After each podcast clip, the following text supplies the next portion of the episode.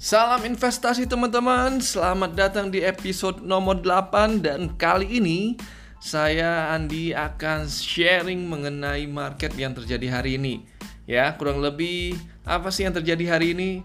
Uh, good news kah atau another bad news uh, atau hal yang lain?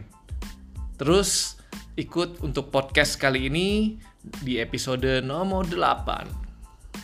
Kabar yang bagus di pasar saham uh, Indonesia khususnya hari ini akhirnya IHSG kita bisa hijau juga nih ditutup pada posisi 4194 atau plus 2,18 persen. Nah, kalau kita lihat grafiknya ini dari pagi sampai siang jam 2 sebenarnya indeks kita masih minus nih. Sepertinya um, ada yang buyback nih. Apakah dari pemerintah? Apakah dari investor salah satu yang dengar podcast ini? Ya mungkin aja. Tapi intinya terjadi beberapa pergerakan anomali di saham-saham baik BUMN dan swasta saya lihat beberapa ada yang memang agak anomali pergerakannya tiba-tiba bisa plus sampai 15% ada yang 20% ya. Dan uh, mungkin ini im, uh, imbas dari buyback beberapa uh, perusahaan listing yang ada di IISG um, hal ini juga terjadi di beberapa negara di um, Asia Contohnya indeks Hang Seng juga naik kurang lebih 5% dan Singapura juga naik sekitar 4,3%. Shanghai sekitar naik 1,1 eh, persenan lah.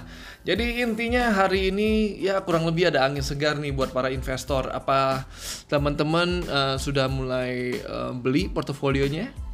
Kalau belum, ya kalau masih diskonnya lumayan besar, jadi nggak uh, usah khawatir kalau teman-teman apakah ke depannya bisa potensi lebih turun lagi, menurut saya masih ada potensi seperti itu melihat kondisi ke depannya dengan catatan kita pengen lihat gebrakan pemerintah ke depannya seperti apa. Rupiah juga masih di kisaran 15.900 atau sekitar 16.000. Um, kayaknya BI intervensi nih hari ini. Cuman saya penasaran ya. Kurang lebih berapa sih ya? Coba sebentar ya. BI uh, perkiraan inflasi di bulan Maret sekitar diproyeksi sekitar sebesar 0,11 persen. Jadi ini angkanya sih kurang lebih lebih rendah lah ya, man on month-nya itu lebih rendah dari uh, bulan sebelumnya.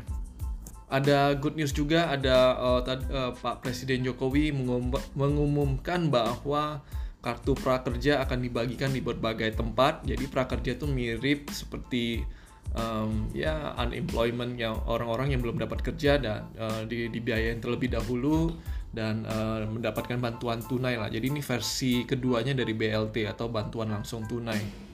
Kalau menurut saya, kalau dilihat dari grafik penularan virus COVID-19 ini, sepertinya kita masih belum mencapai puncaknya dan kita bisa lihat bahwa ada seruan dari Gubernur DKI Jakarta untuk melakukan um, menyetop kegiatan perkantoran selama 14 hari. Tujuannya ya guna untuk mencegah uh, penyebaran COVID-19 ini lebih luas lagi.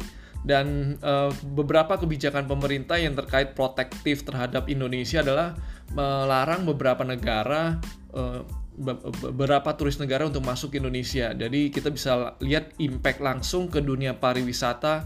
Ini tentunya pasti akan akan dahsyat ya. Contohnya di Bali, uh, baik di Jogja ataupun di Labuan Bajo ataupun destinasi-destinasi yang sifatnya wisata.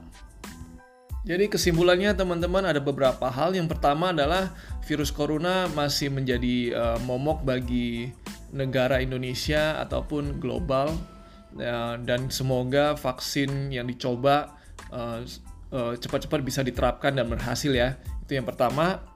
Yang kedua, efek dari lockdown ataupun efek dari pengurangan aktivitas di uh, di Indonesia ataupun di kota-kota besar di Indonesia menyebabkan inflasi kita diproyeksikan lebih rendah ya inflasi Maret 0,11. Nah, ini memberi ruang kepada BI untuk menurunkan suku bunganya lagi. Jadi ya kalau bisa diturunkan jadi mengurangi cost uh, para ya orang-orang yang mengambil kredit. Ya lumayan lah uh, mengurangi sedikit cost. Dan yang ketiga yang paling penting adalah BI terus melakukan intervensi. Kalau tadi saya sampaikan ada pembelian Sun bahkan uh, ada ada statement bahwa dari uh, Gubernur BI bahwa akan sekitar 300 triliun sudah diinjek untuk menambah likuiditas di Indonesia. Jadi kesimpulannya teman-teman uh, itu aja yang bisa saya sampaikan hari ini. Tetap uh, positif dan tetap uh, rebalancing portofolio kita dan eh, teman-teman, kita akan jumpa lagi di episode yang selanjutnya. Saya Andi, undur diri. Bye.